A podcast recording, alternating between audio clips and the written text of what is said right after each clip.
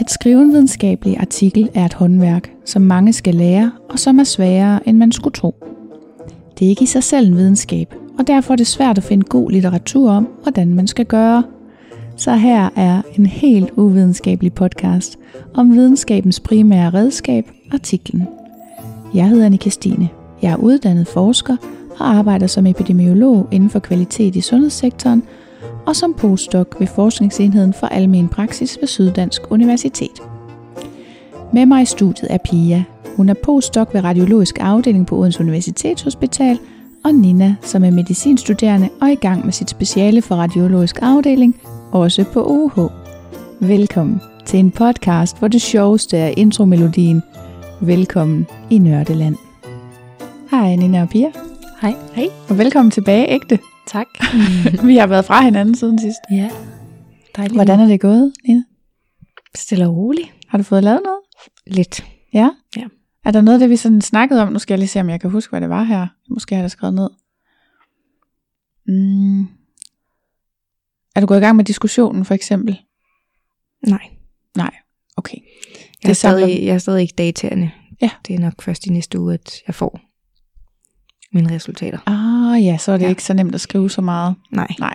Okay. Nej, man kunne skrive det der med sådan, jamen det havde været smartere, hvis scanningerne var lavet af den samme hele vejen, eller hver scanning Ja. var lavet en. Altså Ja, det kunne man jo. De metodiske overvejelser. Ja. Ja. Men hvis du har noter til dem, Mm. så er det i hvert fald en god start. Ja.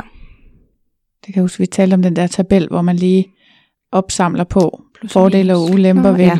alle de Ja. ting, man egentlig har gået og gjort. Mm. Hvis du har den slags noter, så tager det jo ikke lang tid at skrive. Nej. Alright, jamen øhm, vi er jo kommet til litteratursøgningen.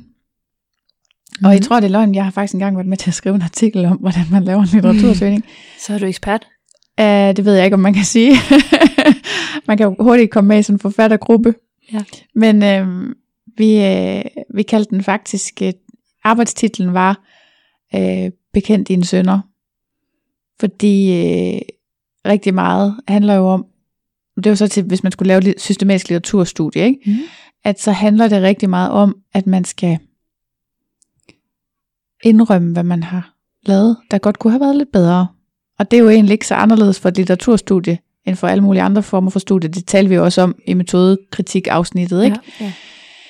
Men, øhm, men det man kan sige, det er, at når man skal i gang med sin litteratursøgning, så skal man have en plan. Så man skal have besluttet sig for før tid, eller lige starte med at undersøge, hvilke databaser kan det være relevant at kigge i.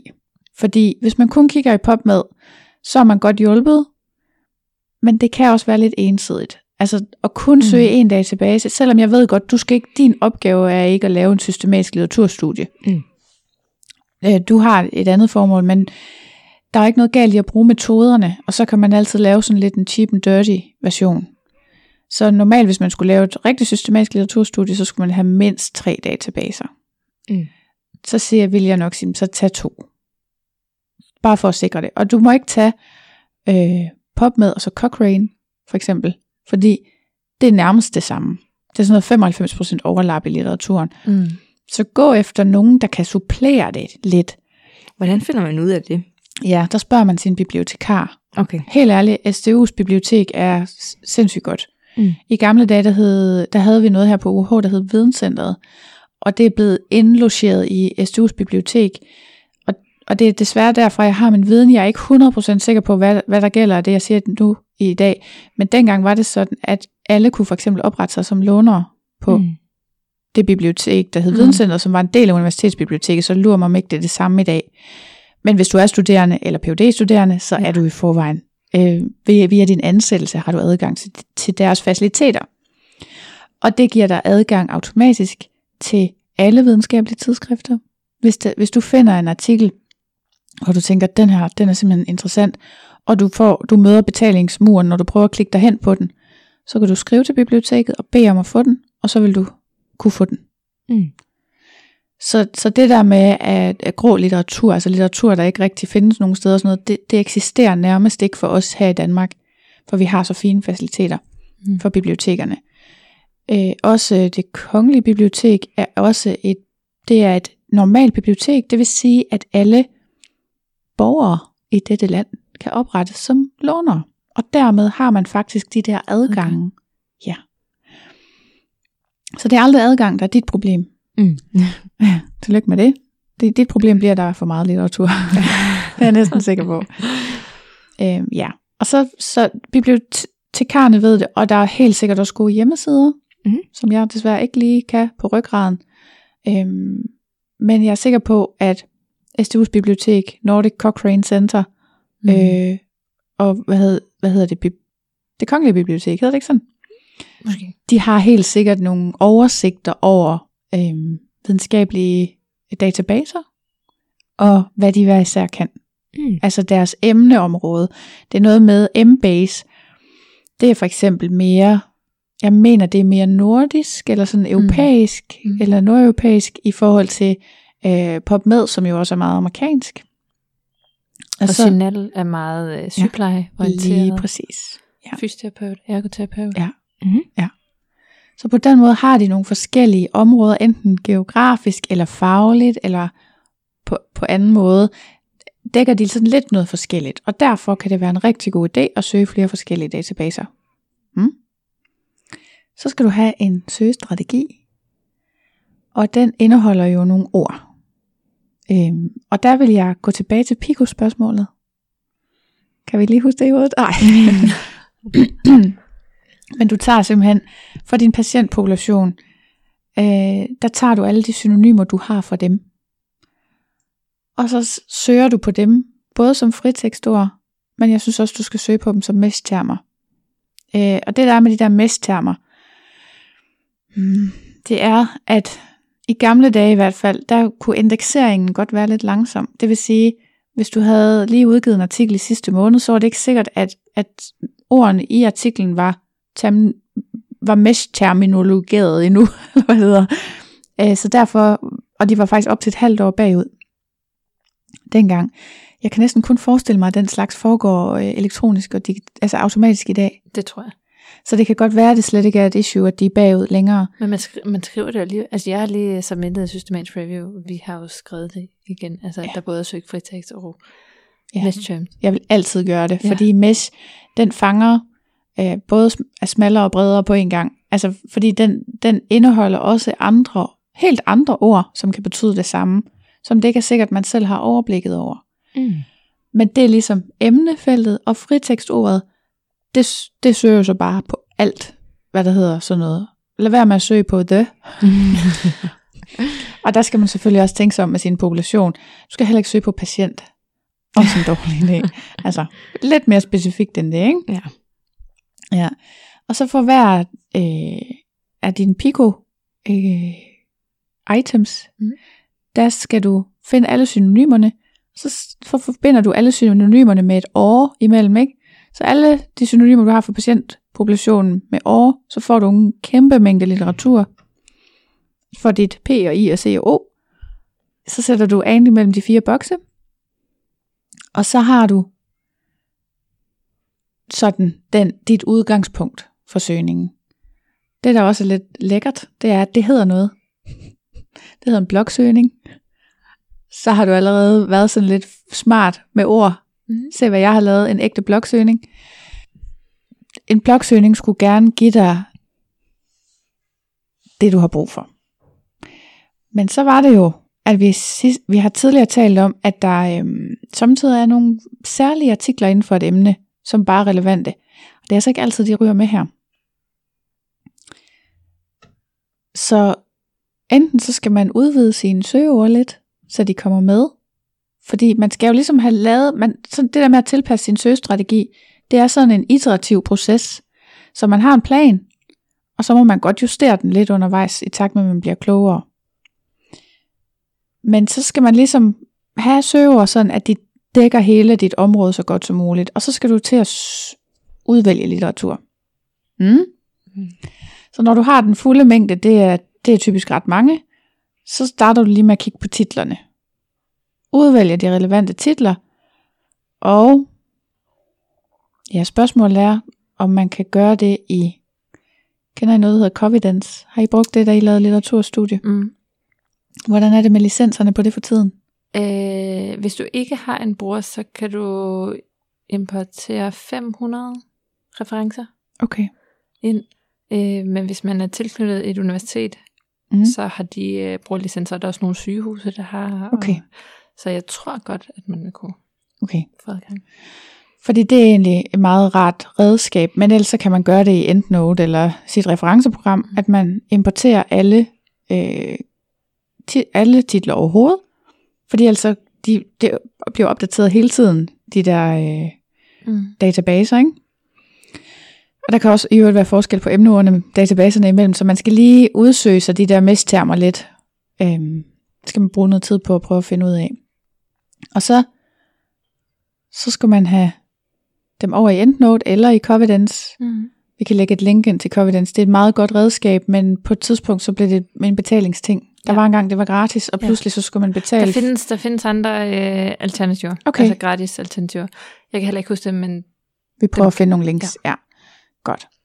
Øhm, men ellers så EndNote kan man altså sagtens, så importerer du bare det hele ind i et bibliotek, og så laver du undermapper, hvor du siger, her er alle mine, øh, når jeg har sorteret på titler, så kører du bare alle de relevante titler derinde i. Og så, og det er det, når man, hvis det var et litteratur- systematisk litteraturstudie, så ville I være mindst to, der gjorde det her. Mm. Ikke? Så så skulle I sammenligne bagefter, om I havde de samme, og hvis I ikke havde, så skulle I have en eller anden strategi for, hvordan I blev enige. Mm. Men det her, det er fint nok for dig. Det kan være den anden specialstuderende, når du skulle gøre det sammen, for det er da sådan lidt fint, og det er jo en udmærket anledning til at få lavet litteraturstudier og få noget erfaring med det. Mm. Men øh, ellers så vælger I først på, artikel, øh, øh, på titler, og sekundært på abstracts. Og så skal du gerne, når du så har læst de her abstracts igennem, være nede på en mængde litteratur, der er håndterbar. Jeg ved ikke, hvor mange det er.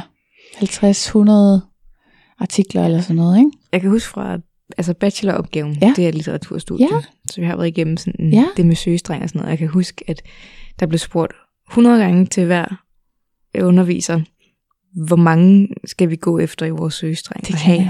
Og der var ikke nogen, der kunne give et svar. De var alle sammen. jeg har været med til at lave et systematisk review, hvor vi screenede, altså Mm.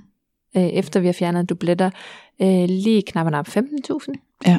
Og vi, jeg har lavet systematisk review, hvor vi har screenet 1100. Ja, Ja. det er meget blandet. Så man kan ikke sige det. Nej. Nej. Det kommer an på, hvor, hvor, hvor bred ens, øh, hvad kan man sige, ens formål. Og primary outcome er. Men Ja. ja. når jeg siger 50-100, så handler det om, at det her det skal være praktisk. Mm. Ja. Du skal skrive et speciale, øh, og eventuelt en artikel efterfølgende. Øh, så skal du ikke sidde med 15.000. Nej. Nej. Så skal du simpelthen gøre noget ved den søgning. Så skal Mm. du afgrænse den for eksempel på tid. Det er altid godt. Så siger vi Mhm. kun de sidste fem år, eller kun de sidste tre år. Jeg har arbejdet en del med øhm, forskellige øh, diagnostiske modaliteter, og der må man bare sige, at teknologien udvikler sig simpelthen. Altså, hvornår kom den første Mm. PET-scanner? Var det i omkring år 2000 eller sådan noget, ikke? Så det at lave et litteraturstudie, der går ret meget bag, altså forud for den tid, det er ikke meningsfyldt, hvis man skal sidde og sammenligne, hvor effektivt det er til at diagnostisere en cancer. Fordi det, det, bare, det var en helt ny, revolutionerende teknologi, der kunne noget helt andet. Ikke? Og, og på den måde, så vil der være nogle øh, tidspunkter i historien, hvor det giver, ikke giver mening at søge længere tilbage. Men du har også en praktisk, at du har det, at du skal være færdig. Mm. Og det skal vi jo alle sammen. Så du skal ikke sidde med 15.000. Du skal, så skal du gøre noget, så skal du få hjælp. Igen, gå til en bibliotekar. Det er altså en øh, gratis service, Mm. fordi man er medlem. Øh, uanset om man er studerende, eller hvad man er. Nu ved jeg godt, så laver jeg bare kunder op på biblioteket. Og det er jo også mega godt at kunne skrive, at søgestrengen er lavet, altså hvis man skal lave et, Ja. et litteraturstudie, at man kan skrive, at søgestrengen var lavet sammen med en forskningsbibliotekar. ja, ja, hvis man skal være rigtig god, så skal man også få den valideret. Ja, ja. Altså det har jeg prøvet før, at vi simpelthen øh, lavede en søgestrategi, prøvede nogle søgninger af for at finde de rigtige mesttermer og så videre, men derefter, så, så havde vi ligesom sådan en fornemmelse af litteraturen på området, og så sendte vi vores strategi ligesom en protokol, altså ligesom Mm. en øh, protokol til et klinisk studie, sendte vi til validering hos nogle eksperter inden for området, for at få sikret, at vi havde de rigtige søgeord Ja. med. Ja. Det er også en god idé. Altså, så på den måde, man kan altid forfine de der steps, men nu snakker vi quick and dirty, som skal være udgangspunktet for øh, den litteratur, du skal bruge i dit speciale. Og der kan man også sige, Du behøver nu heller ikke nødvendigvis at udvide søgningen til at have de der golden udgivelser med. Nej. Dem må du også godt bare snuppe ind, fordi det er jo ikke, det er jo ikke et systematisk litteraturstudie som sådan. Men metoden er sindssygt god, og den sikrer dig, at du sandsynligvis har det, der er relevant inden for området. Øhm, siger jeg så helt uden dokumentation. Men altså, det, det, er jo, et- det er jo et område for sig selv. Øh, Jeg ved ikke, hvor meget forskning, der er lavet i effektiviteten af forskellige søgestrategier. Der skal nok være lavet noget. Altså om blogsøgning er bedre end snowball search. Altså snitboldsøgning, der vil du gå, så vil du tage enten, så vil du formentlig tage en af de der gyldne artikler, ja. som er øhm, udgangspunktet for hele det faglige område, og så vil du se, hvem har refereret til den.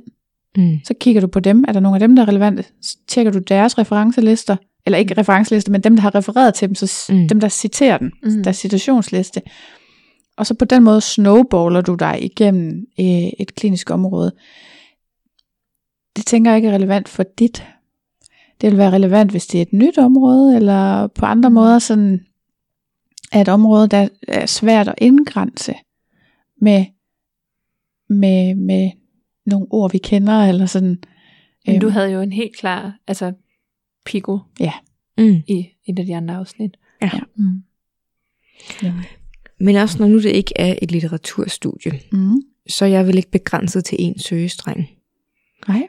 Så kan jeg vel søge på lidt forskellige områder og se, hvad der er relevant. Mm. Det kan du godt. Altså jeg vil nok stadigvæk sige, så vil jeg ende op med en søgestreng, Mm. som var den, jeg brugte. Fordi så kan du vedlægge den som bilag. Og på den måde jo dokumentere, hvad det er, du har gjort. Okay. Både du, det dokumenterer både, at du har tænkt dig om, men det dokumenterer også, hvad du har gjort. Så hvis folk stiller spørgsmålstegn ved, hvorfor har hun ikke den her artikel med, Mm. så kan du sige, "Mm, altså så er det jo åbenlyst, men det var fordi, den ikke dukkede op i den her søgning. Mm. Ja. Okay. Så på den måde synes jeg, det, det gør, at det er et felt, som kan være sådan lidt, øh, lidt ugennemskueligt. Altså, hvordan har I fået fat i den her litteratur? Hvorfor har I den her artikel med, og ikke denne her? Øhm, der gør man det jo, hvis man, hvis man laver en tydelig metode og gør det klart, så, så er det svært at komme efter det. Mm. Så kan man godt sige, "Men du- ej hold kæft, hvorfor har du ikke søgt på det her søgeord? Så må man sige, "Men det var fordi, jeg var dum. Altså.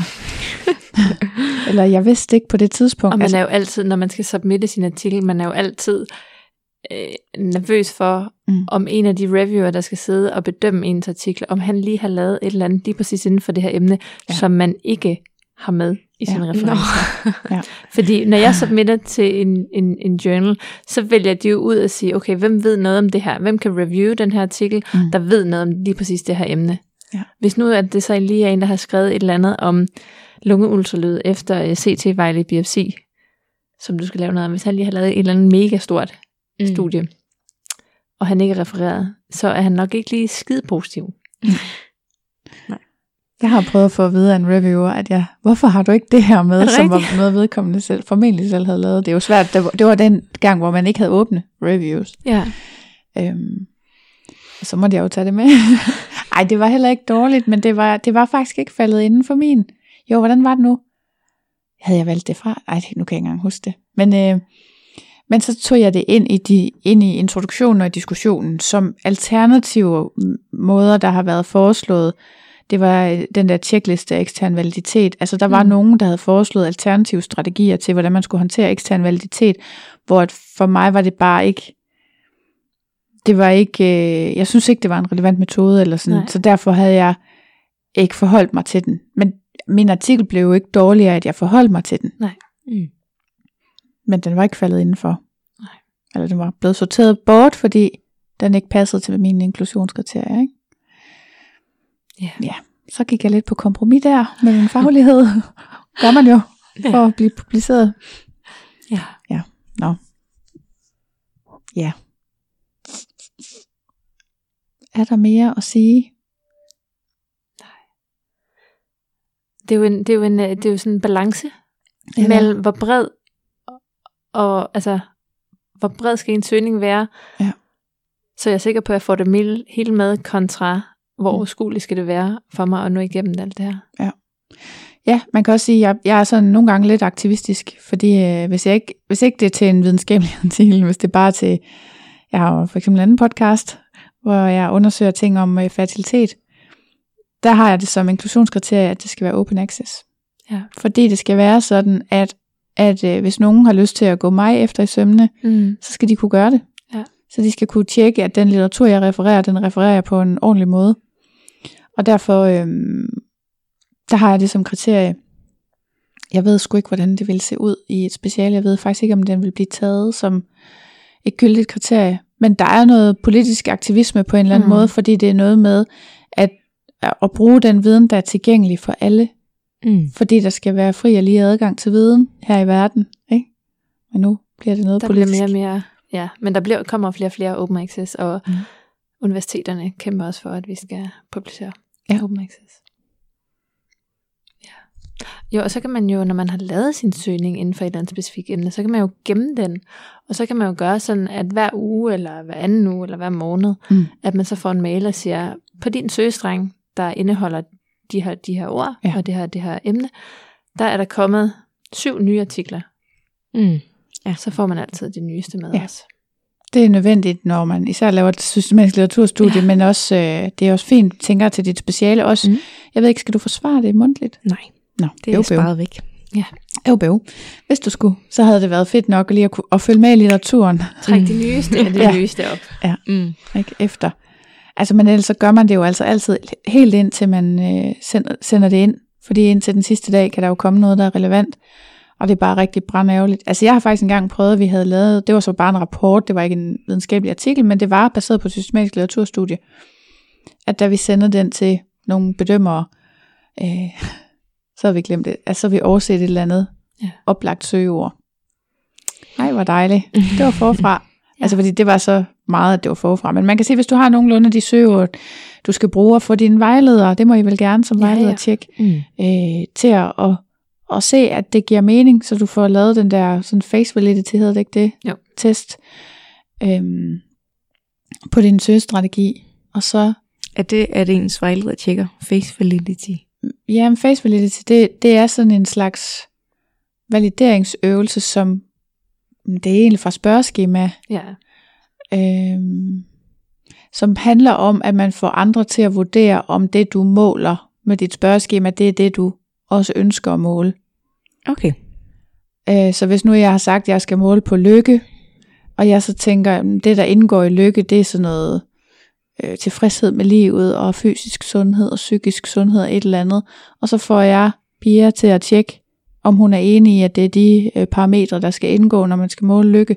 Og så siger hun ja, og så er, det, Mm. så er der face validity. Det er sådan lidt en billig ja. Ja. valideringsøvelse, Hvis kan man, man, kigger sige. Ikke? altså de, de, de nyeste teorier inden for validitet, så er den ikke helt skarp i kanten Ej, mere. Men, ej. Mm. men til sådan noget her er det helt fint. Mm. Eller okay. du kan bruge Emma. Ja. Mm. Som er Emma? Emma er den anden kandidat Emma er vores der skal- hemmelige Ja. skyggekandidat, Ja. podcastmedlem. Hun, vi, vi kan bare lave det hele igen, og så øh, sige Ja. Emma i stedet for. Ja. All right. Flere spørgsmål? Nej.